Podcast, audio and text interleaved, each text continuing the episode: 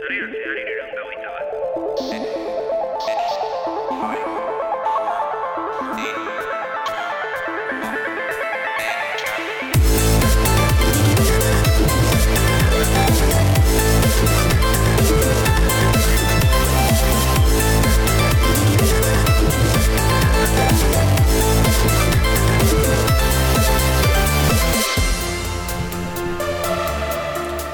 Saio hau hasi baino lehen, e, kom, esan behar dizuet, mm, pentsatzen ari nintzen ze esan e, sa- sarrera honetan. E, horrelako komentario editorial bat egiten dugu e, noiz behinka tarte honetan, eta pentsatzen ari nuen, ze, ze esan dezakegu mm, hasiera honetan e, ba, gertatu direnei buruz, e, edo komentatu dugun berri bati buruz, edo zerbait, Eta hemen aurrean daukadan e, Borja Arbosa laguna esan dit. Ez, esan, ezer. Orduan, ez dugu ezer esango. Ez, broma da, broma da, zerbait esango dugu. Aprobetxatuko dut, ez daki, ez daki dala zer esan, pizkat freskatzeko, entzule berri bat, e, orain momentu honetan bere irratian, edo bere podcast jasotzailean topatu badu saio hau, e, pentsatuko du, zer, zer da hau, zer da sarean zehar, euskeraz dela, argi dago, baino, e, e, askotan ez dugu oso argi, e, manaiatzen ze kontatzen dugun. Ba, normalen teknologiari buruz hitz egiten dugu hemen. E, teknologiari buruz, e, basikoki, ba, gure bizitzetan mi- e, alako implikazio bat izan daitekeen e, berriei buruz hitz egiten dugu noiz behinka, ba, adibidez, e, programa honetan, Orange eta Masmobilen arteko mm, fusio mm, negoziazioi buruz hitz egingo dugu eta batez ere komentatuko dugu segertatuko den beserekin eta beste batzutan ere ba, bueno, e, berri kuriosoak edo pizkat e, divertigarriagoak kontatzen ditugu. Ba, pizkat deskonektatzeko eta beste gauza batzuei art, e, batzuetaz arduratzeko. Beraz, ongetorriak hau da zarean zehar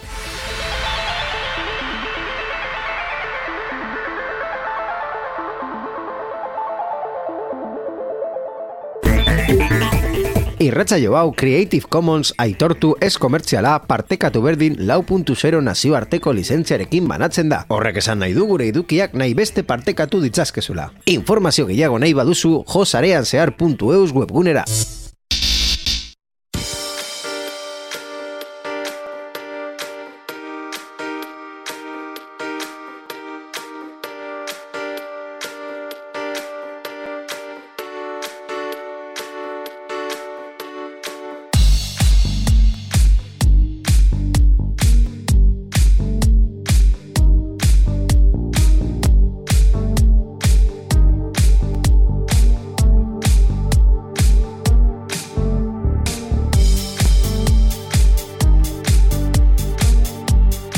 Ba, esan bezala berri teknologikoi buruz hitz egiten dugu programa honetan e, eta komentatu duen bezala ere aurrean daukat Borja Arbosa orduan hasiko gara berrien atala Borja Arbosa agurtuz arratsaldeon Borja Arratxaldeo nigo.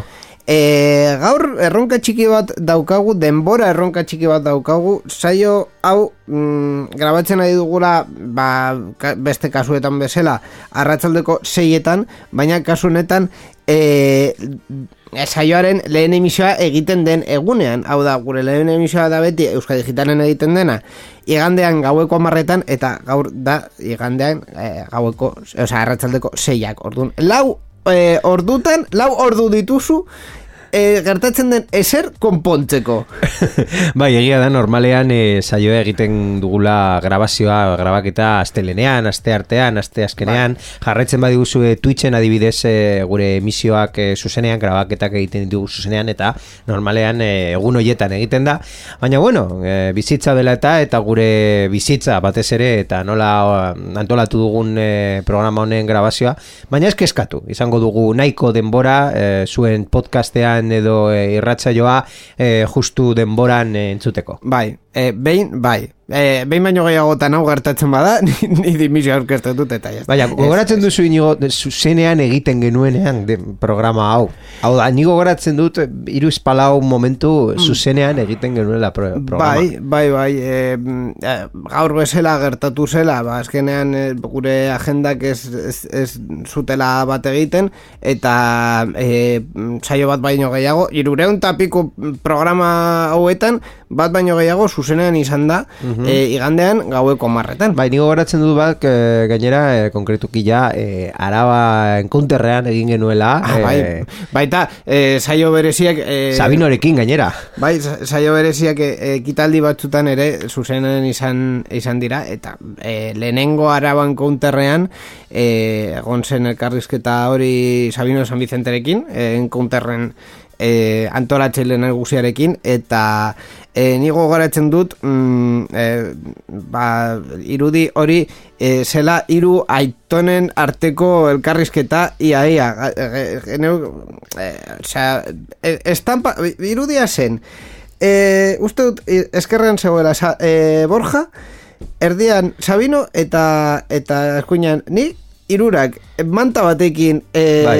Pe, peli manta elkarrizketa jarri pe- pe- genion. pelimanta formatuan bai Izena Eh, eh, elkarrizketa horri. Eta bueno, e, bai, elkarrizketa egin genuen horrela, e, ba bueno, iradier arena horretan airea mm, leku guztietatik sartzen zelako, eta... Abendua zelako. Eta e, e, karefakzioa zegoen, baina goitik zetorren karefakzio bat horrela mm, ir, ir, irradiantea e, goiko partea berotzen zuela, baina bi iru sentimetro Burutik esen jaisten. Esen jaisten, orduan. Zerako irudia izan zen hori, bai. Bueno, nosta nostalgia pizka bat alde batera utzita egia da, esan behar dugu hau teknologia programa dela, euskeraz egiten dela, e, Bai. lehenengo gauza, lehenengo rekisito hau entzuteko, edo gutxienez ulertzeko, entzuteko ez, baina, ulertzeko, euskeraz berba egiten dugula, Euskeraz jakitea. no- normalien. Esa, e, esango duzu, eu, zure euskainolean, Bueno, benetan. pizka bat ulertzeko. I- izan daiteke baita ere zu euskera hitz egitea eta ni ez ulertzea. Vale, eh, hori izan leike baita. Bai, bueno, eh, ba, euskeraz eh, egiten dugu eta teknologiari buruz hitz egiten dugu eta mm, normalean berriak komentatzen ditugu, beraz berriak bilatzera joango gara.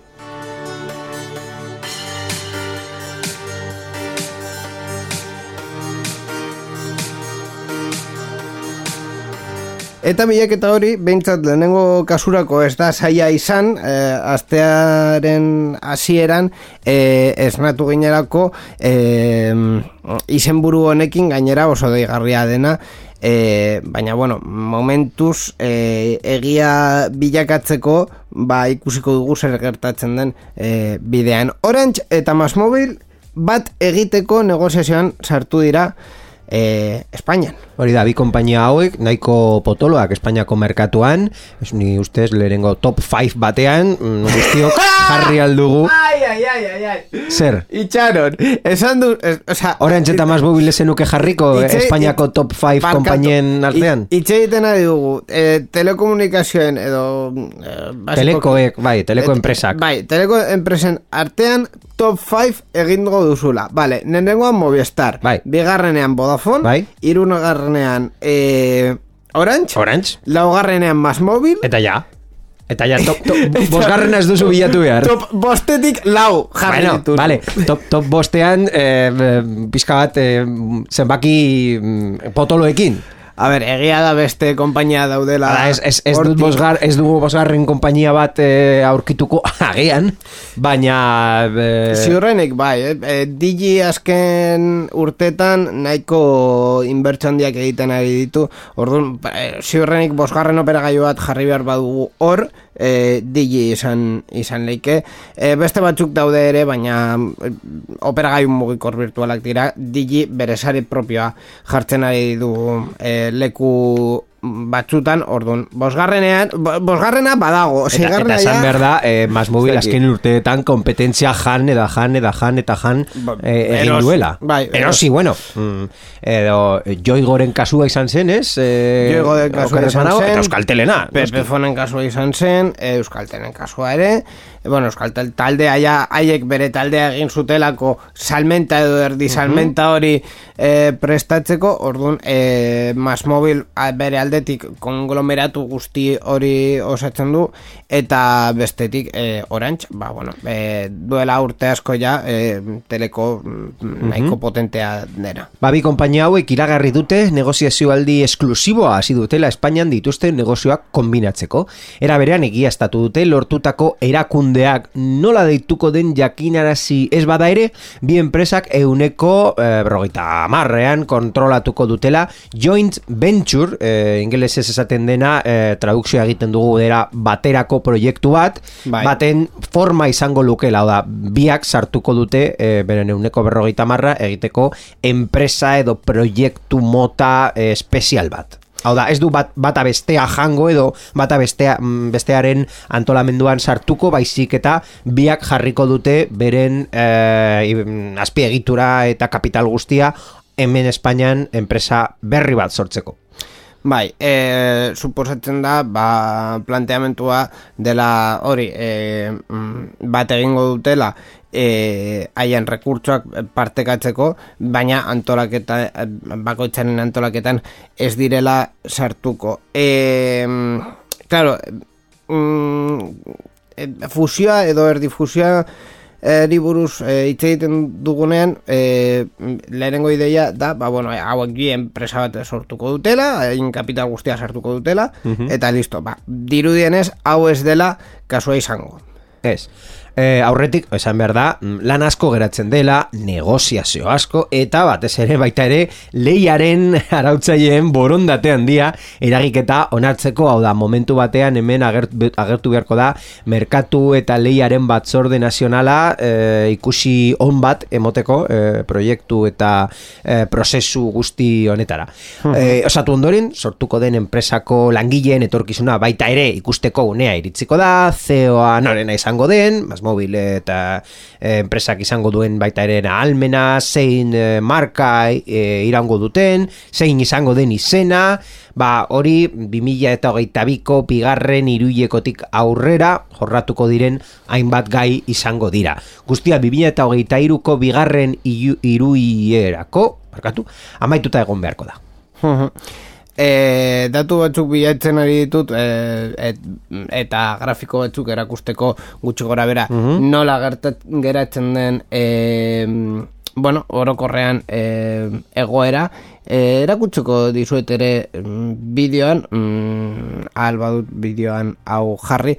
E, basikoki jakiteko zein den gaur egungo egoera edo nola geratuko zen e, merkatua fusioaren e, ostean, ba, basikoki e, hau da, e, Oh, oh. gaur egungo e, datuekin e, ba, da, da, daukagun datuak eta e, horrelako simulazioa Movistar e, lehena da eguneko e, merkatuaren uneko geita sortziarekin eta ia e, amasei milioi linea, Orange amabi milioi eta pizka dauka e, eta Vodafone ere, Mas Mobil amaika milioi et, amaika koma iru milioi e, linea dituela Eta beste guztiak operadore mugikor virtual guztiak batera, boskoma hiru sei, milioi- uneko boskoma seia Hiru bakarrik milioi daukate. Claro, eh, operagai mugikor virtual eh, potenteak, mm, potente asko, mas mobilen Bai, bateratuta bukatu dira, adibidez, ba, joigo edo pepefon, eh, aipatu...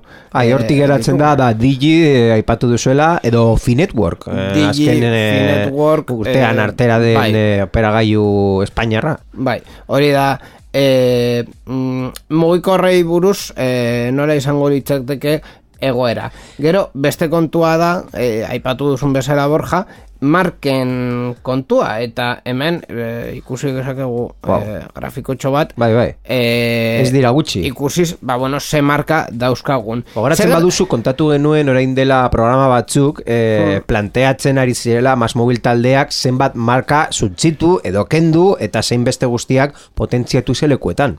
Claro, e, orantxere bere mosketa egin du e, arlo horretan Republika Mobil e, esabatu duelako eta amena, baita, amenako bezeroak ja legalki orantxeko bezeroak ziren, e, baina Republika Mobil e, enpresenak ba, hor zegoen aparte eta Simeon bateratu dituzte. Orduan, e, irudi honetan ikusten ditugun marken artean, bakarrik hiru dira e, orantxekoak, orantx jastel eta simio, eta beste guztiak, ojo aldato, mas mobil taldekoak dira.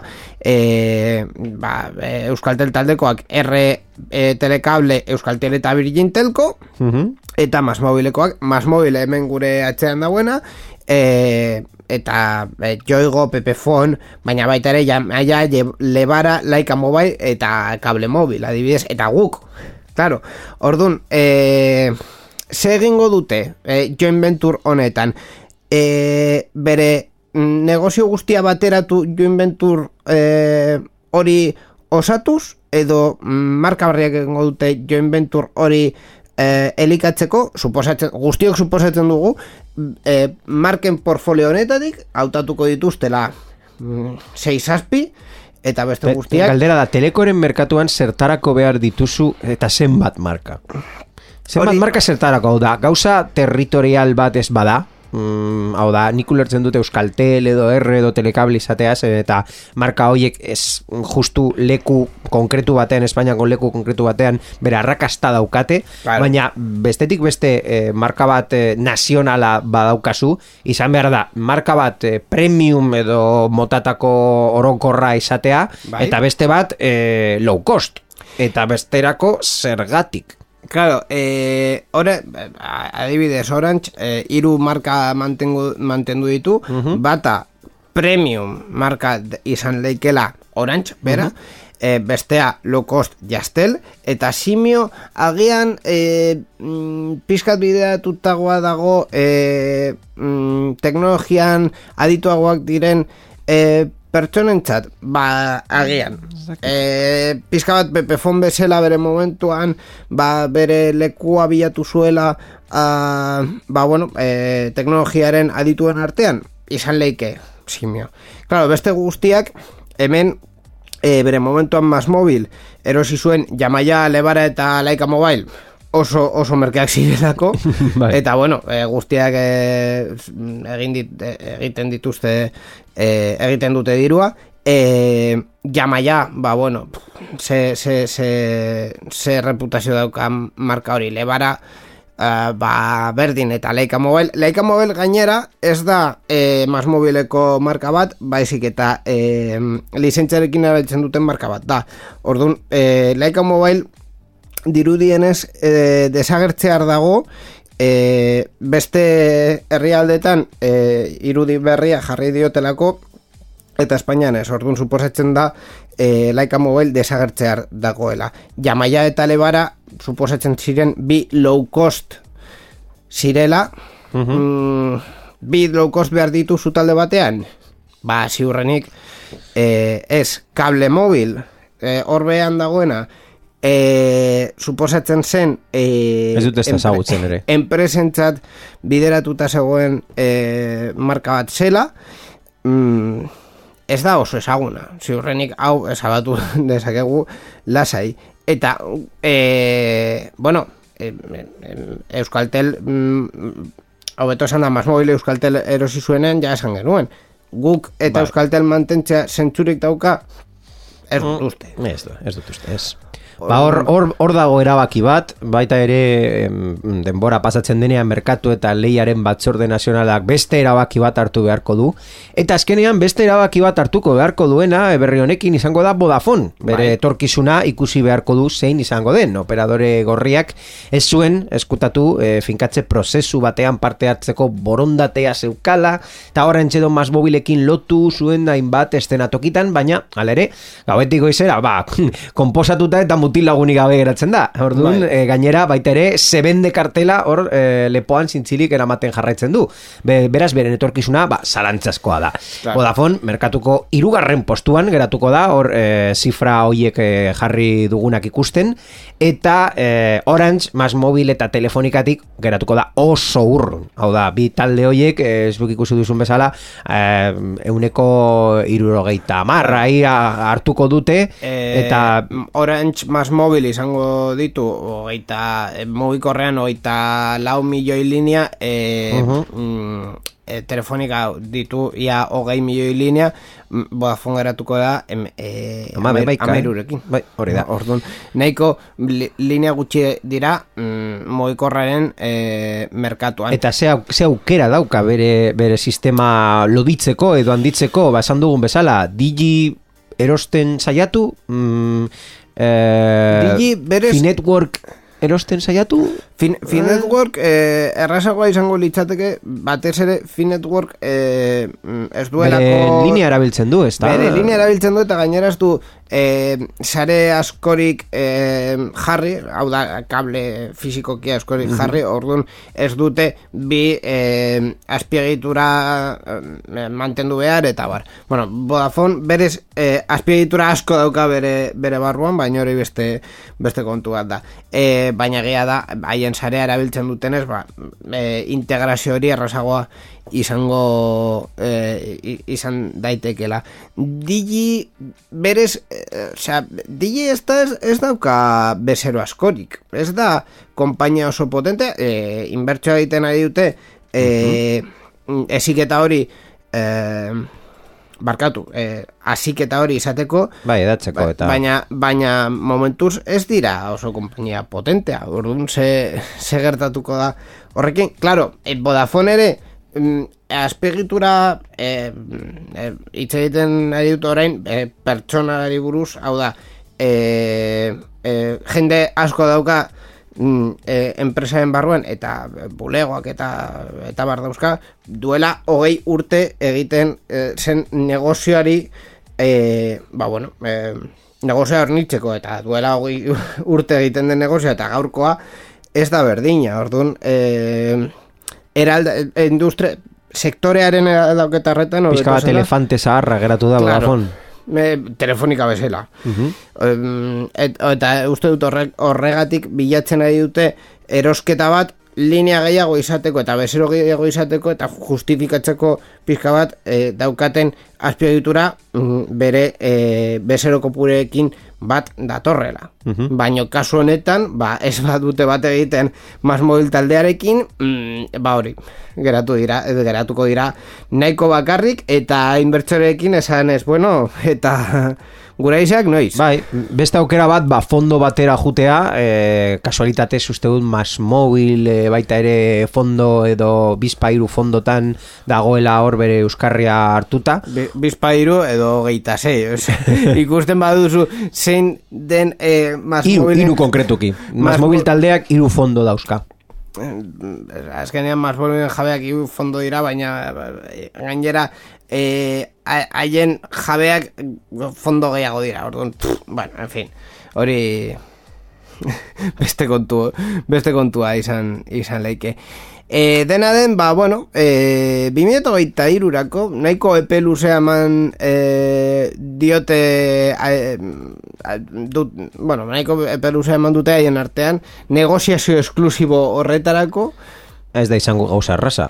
Ez da izango Horrelako montaje bat egitea, ez ustez e, urte bat emotea gauza nahiko normala da. Bai, e, ikusiko dugu ere urte hori bukatzen denean, ze e, erabaki duten eta integrazio hori azkenean erabaki badute, e, ze gertatzen den. Mm, adibidez, e, Euskal taldearekin gutxi gora bera, ezin dute ezer e, egin, e, mas mobil kompromisoak dauzkala, bere, be, em, Horrela da, bai? bere partetik e, Euskaltelekin bost urtez e, gauzak dauden bezala e, mantentzeko. Zenbat geratzen dira? Zenbat pasatu dira Lau jadanik? urte. Lau urte geratzen dira, urte, pizka, urte bat baino gutxiago pasatu delako. Aha.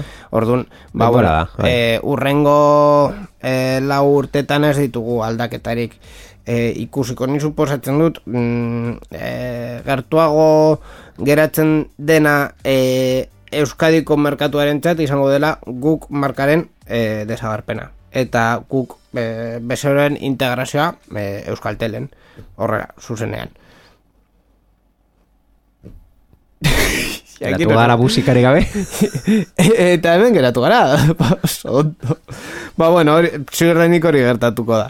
Hori gertatuko da urrengo hilabetetan. Kontatuko dugu, eh, hauek bi, interesa daukaterako haien negoziazioa publikoa edo erdi publikoa izateko, bai, tere gustatzen zaielako, ba, eh, mugitzen direla, e, ikustea, batez ere haien inbertsoren txat. Orduan, e, haiek kontatuko dute, eta gu ere hemen kontatuko dugu.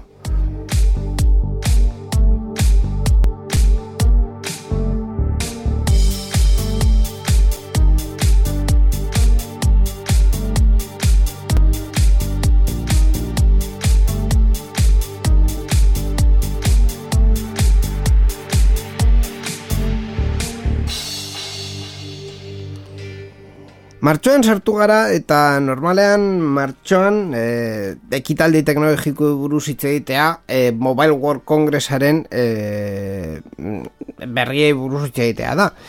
E, azken bi urtetan ez da horrela izan mm, e, 2008an e, bertan bera utzi zutelako ekitaldia Gainera, kurio, kuriositate bat kontatu dizut, kontatuko dizut. Es, esan dezake dana, zeren gaur, e, grabatzen ari garen programa, gutxienez, e, Euskal Digital emitituko da lehena. Bai. A, ama, e, martxoaren, amairua, e, justu, e, bi urte betetzen dira, alarma estatua, e, justu, deklaratu. Iragarri, zen, Bai. zen, zenetik.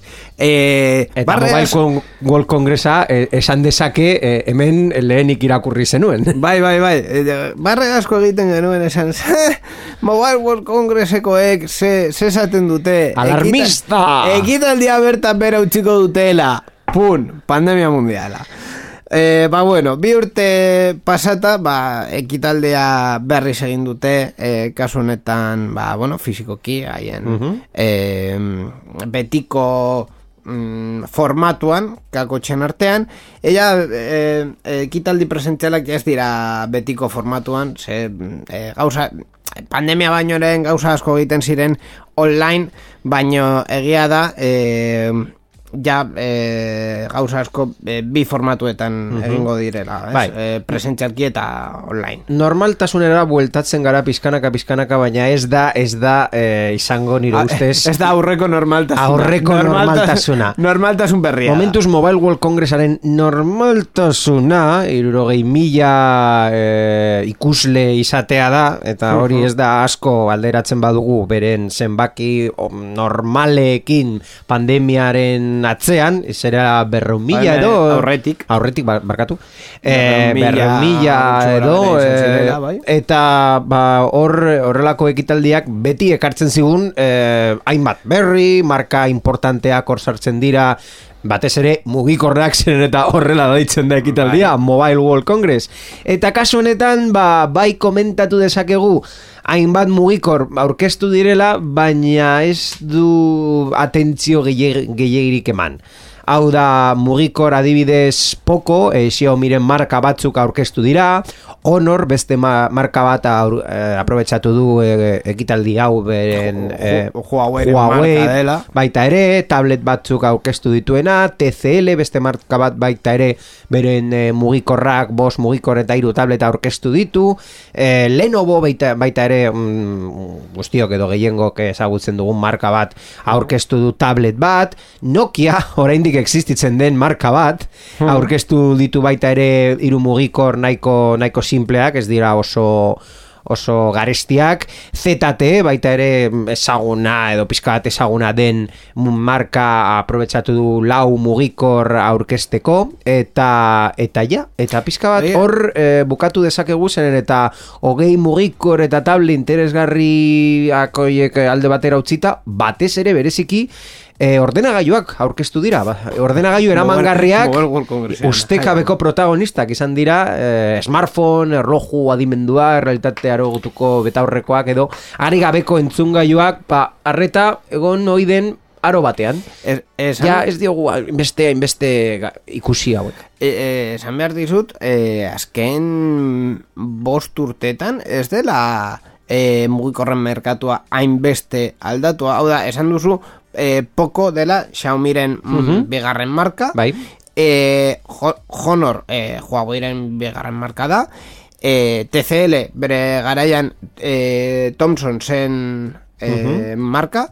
E, Lenovo e, izan zen enpresa bat IBM-ren portatil negozioa, bueno, ordenagailuen negozioa e, erosi zuena, Nokia, duela Eh. hogeita bost urte merkatu bat dauela, Baina eske, Eta- no, Nokia, Nokia behitu, aurkeztu ditu, esan dudan bezala, hiru mugikor, eh, ez Europan saltzeko, baizik eta merkatu emergenteetan, hau da, garestiena eunda hogei eurotan dago, claro, behituz, non, non, nondik doazte, eta, eta, ja, Az, azken urtetan e, Nokia egiten dituen mugikorrak batez ere saltzen dira Indian eta Txinan.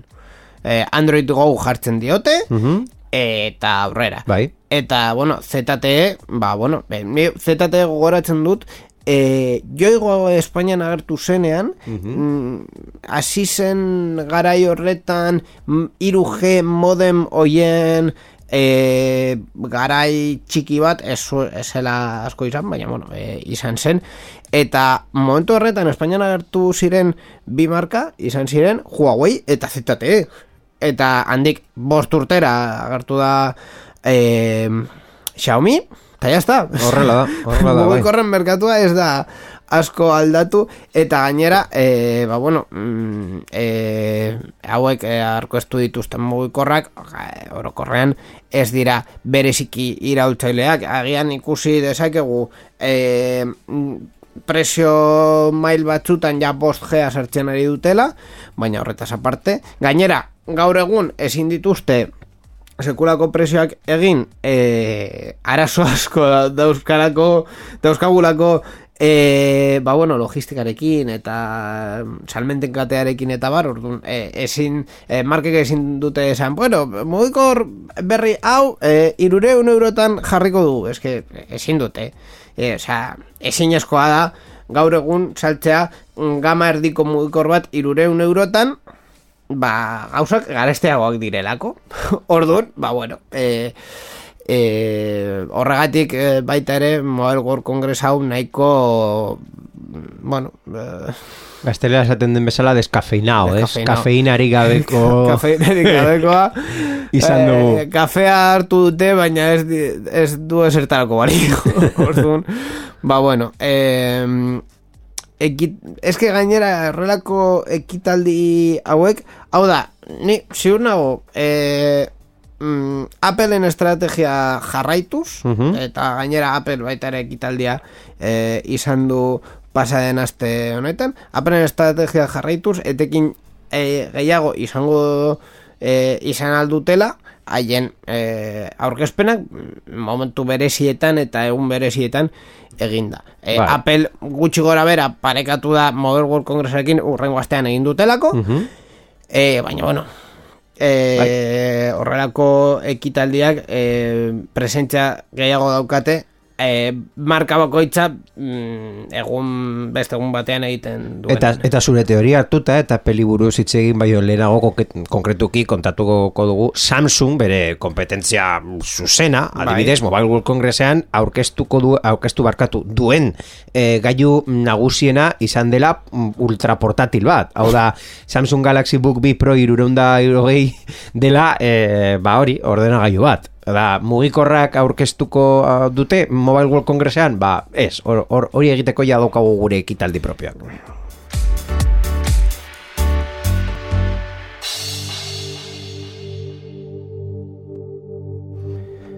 Bueno, eta ekitaldiai buruz eh, hitz egiten, Apple buruz hitz dugu, eh, nola ez, eh, Peak Performance, eh, ez peak baizik eta PEEK Performance ekitaldia antolatu dutelako, eta egia esan da, hemen, ez, ez dute mugikor, bueno, bai, mugikor bat, ah, mm, aurkeztu dute, baina ez da aurkezpen nagusia izan. Ez, ba, ba, batzuk aurkeztu dira eta zuk esan duzun bezala, zurrumurruena, ba, irugarren belaunaldiko iPhone SE izan da, eta bete egin da, Appleren telefono ekonomiko berriak, A15 5G txipa eta kamera hobetu, bat, ditu, eta e, ostiral ja honetan erreserbatu, Pasaden austiraetatik Iza, erreserbatu izango da, e, bosteun da hogeita mar eurotik aurrea, eta e, baita ere, mm, martxoaren amazortzian jarriko da salgai.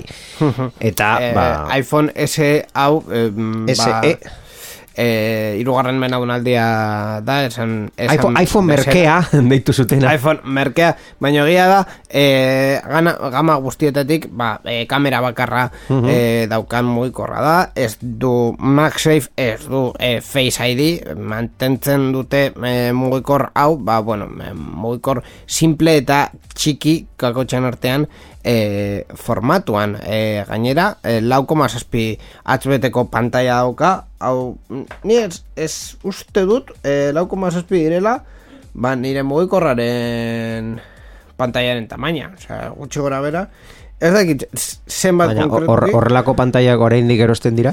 Bai, bai, eta gainera, e, e, esan aldizut, ni mugikor berri bat e, erosterakoan, Claro, eh, mugikor hau, ba, epa, ez da Ai, kamera.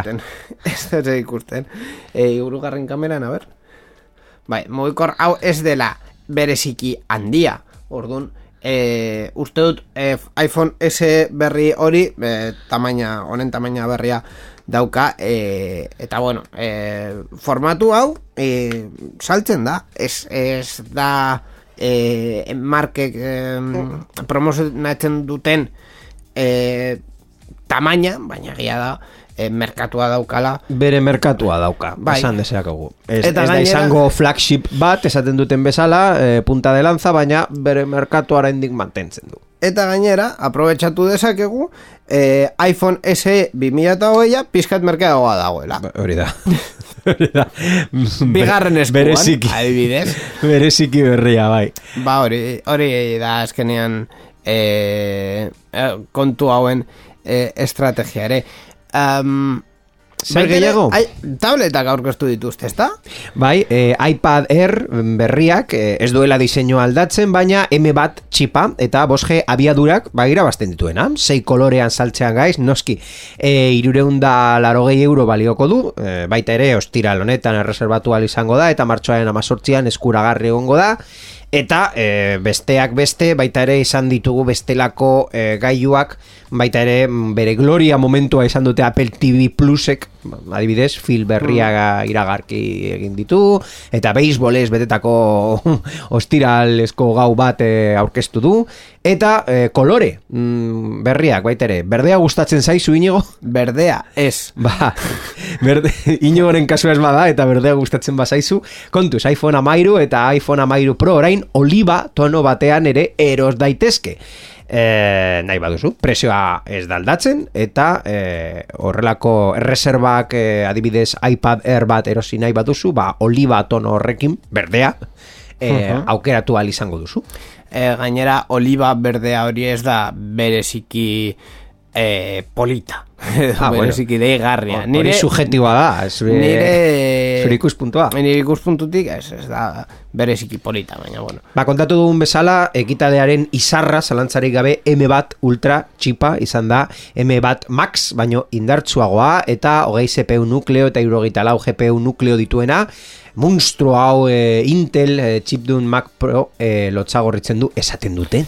Bai, eh, M bat ultra, claro, em, em, eh, pizkat kontatuz nola doan Apple bere M bat txiparekin, bi bertzio... Nora, nora heldu gara.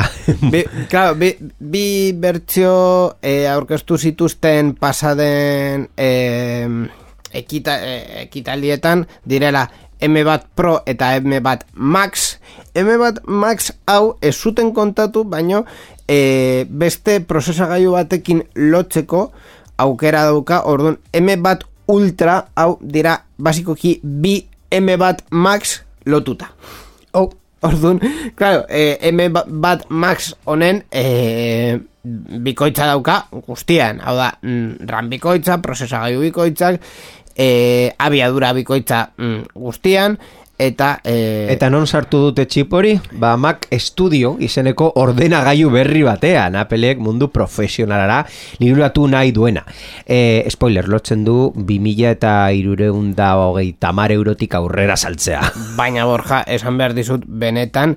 Eh, Pena merezi duela? mm, Mac Studio hauek merezi dutela ez dagoelako merkatuan eh, adibidez lau edo sei depende ze bertxo hartzen duzun eh, merkena lau Thunderbolt portu dauzkan eh, ordenagailurik mm, potentzia honekin Orduan, eh, eta lau Thunderbolt portu hoietan jarri aldituzu bost pantalla, de disko gorrak, sarea, nahi duzuna, nahi duzuna. Orduan, e, benetan direla e, ordenagailu oso oso potenteak eta e, basikoki hau bideratuta dago e, bideo ediziorako eta bideo lanerako orokorrean. Ba, badakizue, inigo bezala ordenagailu hau oso aukera ona iruditzen bazaizue, eta 2000 eta bosteun euro badaukazute or, ordaintzeko ordenagailu batean, zeren esan dugu 2000 irureun, baina gero seguru erosi behar direla periferikoak edo edo zer hor jartzeko edo sartzeko. Eh, pantalla, teklatua eta bla, bla, bla, bla, bla, bla.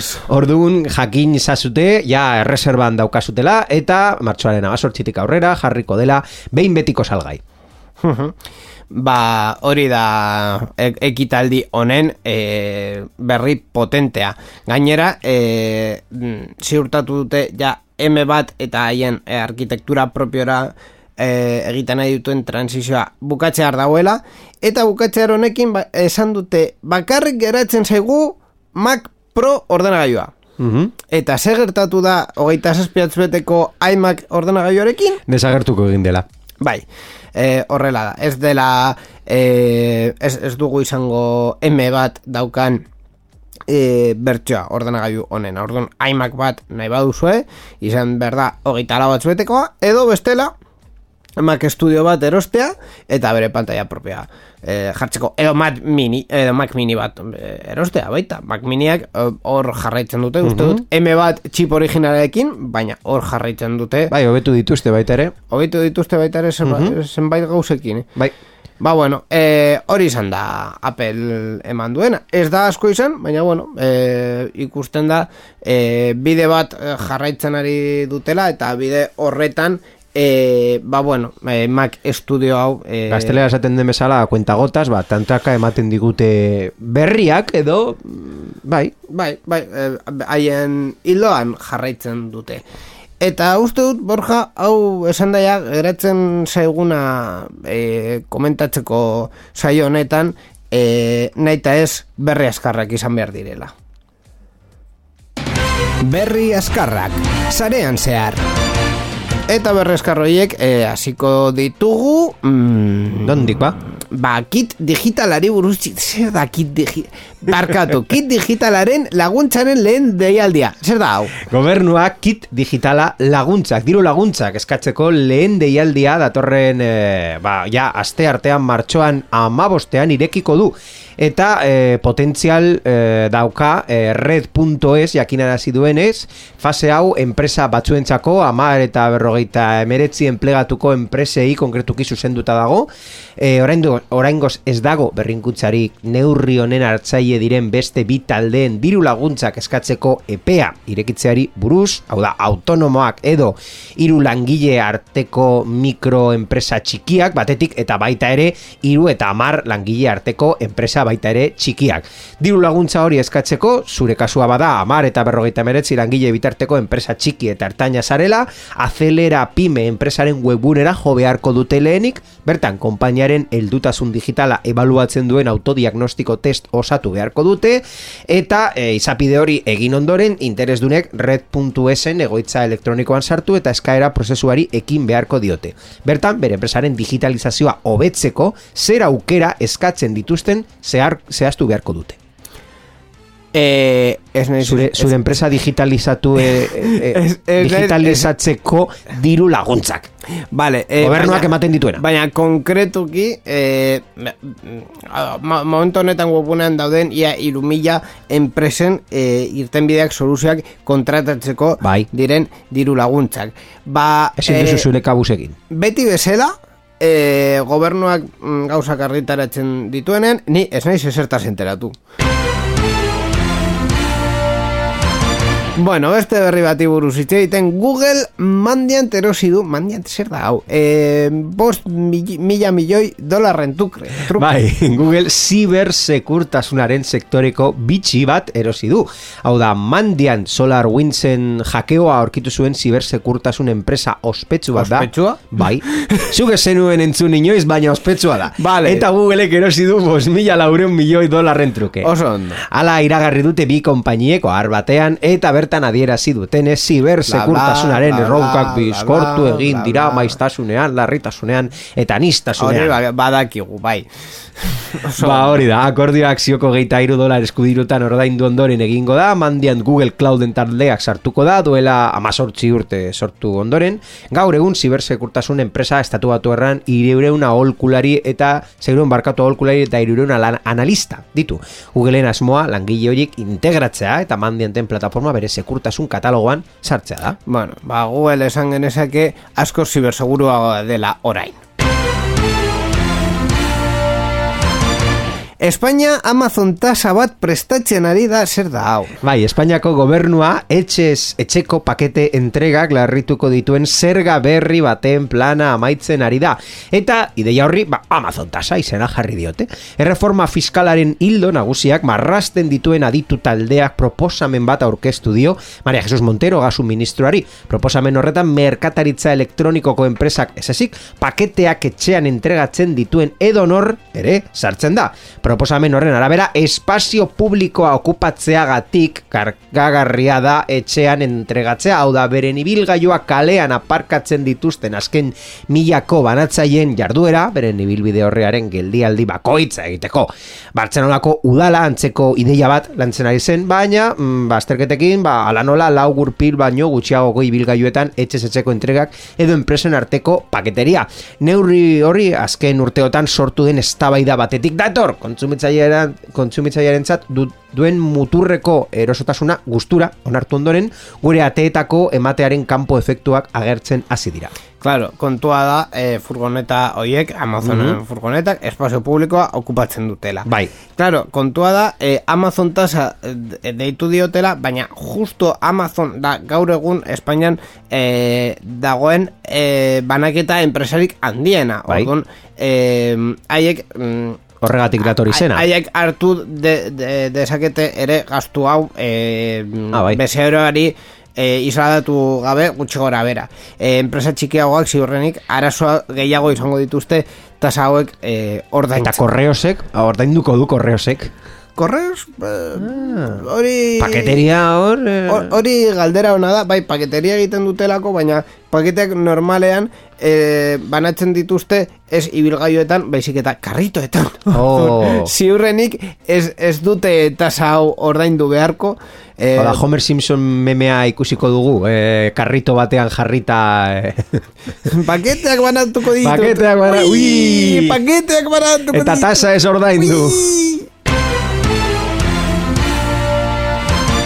Bitcoinen kutxasain automatikoak legez kanpokotzat jo dituzte erresuma batuan. Bai, bai, bitcoina eta kriptomoneten beste kutsatzain automatiko batzuk, hau da, pertsonai kriptomonetak erosteko eta saltzeko aukera ematen dietenak, ba, legez kanpokoak dira erresuma batuan, Britania handiko finantzia eta jokabideen agintaridak, eh, ostiralean argitaratutako gutun baten arabera.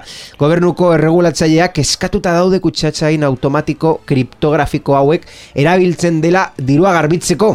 Beitu. Claro, eh, bilagatzen dituzu zure mm, kasu honetan librak kri- Efektiboa, bai.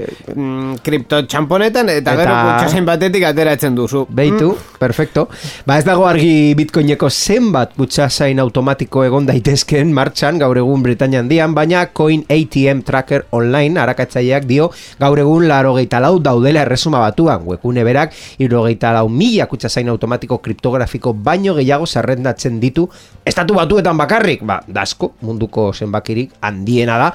Ikusiko dugu nola konpontzen duten hau. Mm, claro, kontua da, e, zu kutxasein automatiko horretan, e, berez, bai, dirua jasotzen duzula, baina ez e, legalki zuzenean zure Ez akontuan... estatua kontrolatu alde zaken Claro, dirua. e, Hor, hor dago gakoa. Ho- Hor dago gakoa eta gainera e, kutxasein automatiko horretan ez dizu zure kripto e, wallet hori eskatzen dizu, baina ez dizu eskatzen zure identifikazioa. Hori da. Suposatzen da kripto wallet hori, kripto zorro hori, e, estatuei esan behar diete, bueno, e, tipo hau, ez dakit zenbat diru atera ditu. Mila libra hor sartu ditu kutsasain batean eta hartu du bere ekibalentea bitcoinetan, baina ez dakigun orden. Eta Claro. nor, nor Claro. doa milioi eh, librekin eh, kale, kaletik. E, ba, esan bezala Britainia handiko finantza jokabideen agintaritzari ez dio grazia handirik egin eta suposatzen dut ere Espainiako agus, ogasunari mm, más de lo mismo.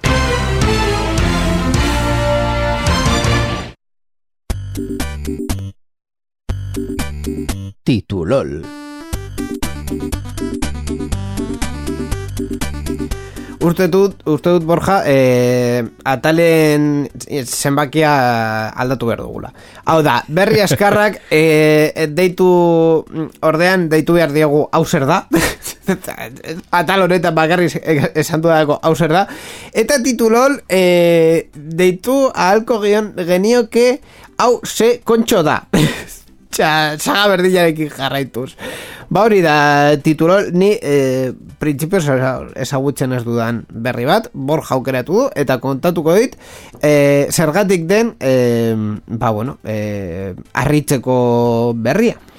Ba, beitu inigo, orain dela minutu batzu kontatu duzu Espainiako diru laguntzak, eh, hor digitalizatzeko ez duzula oso ondo ulertu, zertarako den. Ditut bat ere ulertu, baina bueno. Ba- Basikoki, e, irumila enpresa hoiei dirua emateko mm, e, dirudi, baina bueno, ez, ez, ez nago oso ziur. Ba, gauzak oraindik okerrago jarri aldira, kasu honetan... bueno, espera. Binaz. O'Domins, eh, Georgia estatuan, Amerikako estatu batuetan bizi den pertsona batek, legez kanpo lortu zuen koronavirusagatik diru laguntzak emateko mailegu bat, eta zertan gastatu zuen?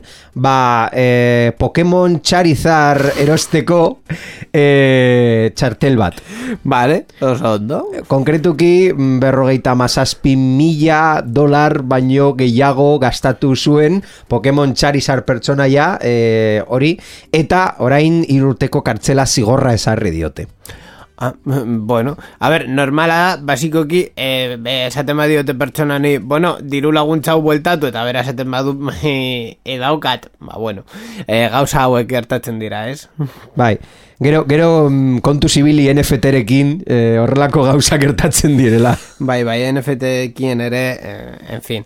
Ba, bueno, oso ondo, eh, ez, ez, ez eskatu COVID eh, aurreko laguntzak txorradak erosteko, hori argi dago.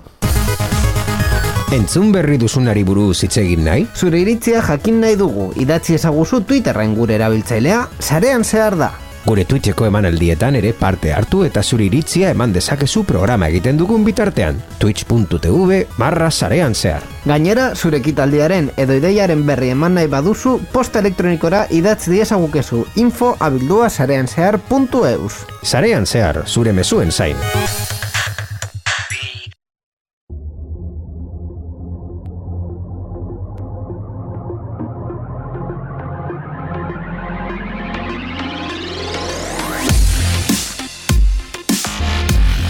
Ba, onain heldu da sarean zehar, hau berri txikiak, baina, bueno, nahiko interesgarriak izan dituen e, programa, eskerrik asko Borja berri hoiek ekartzeagatik.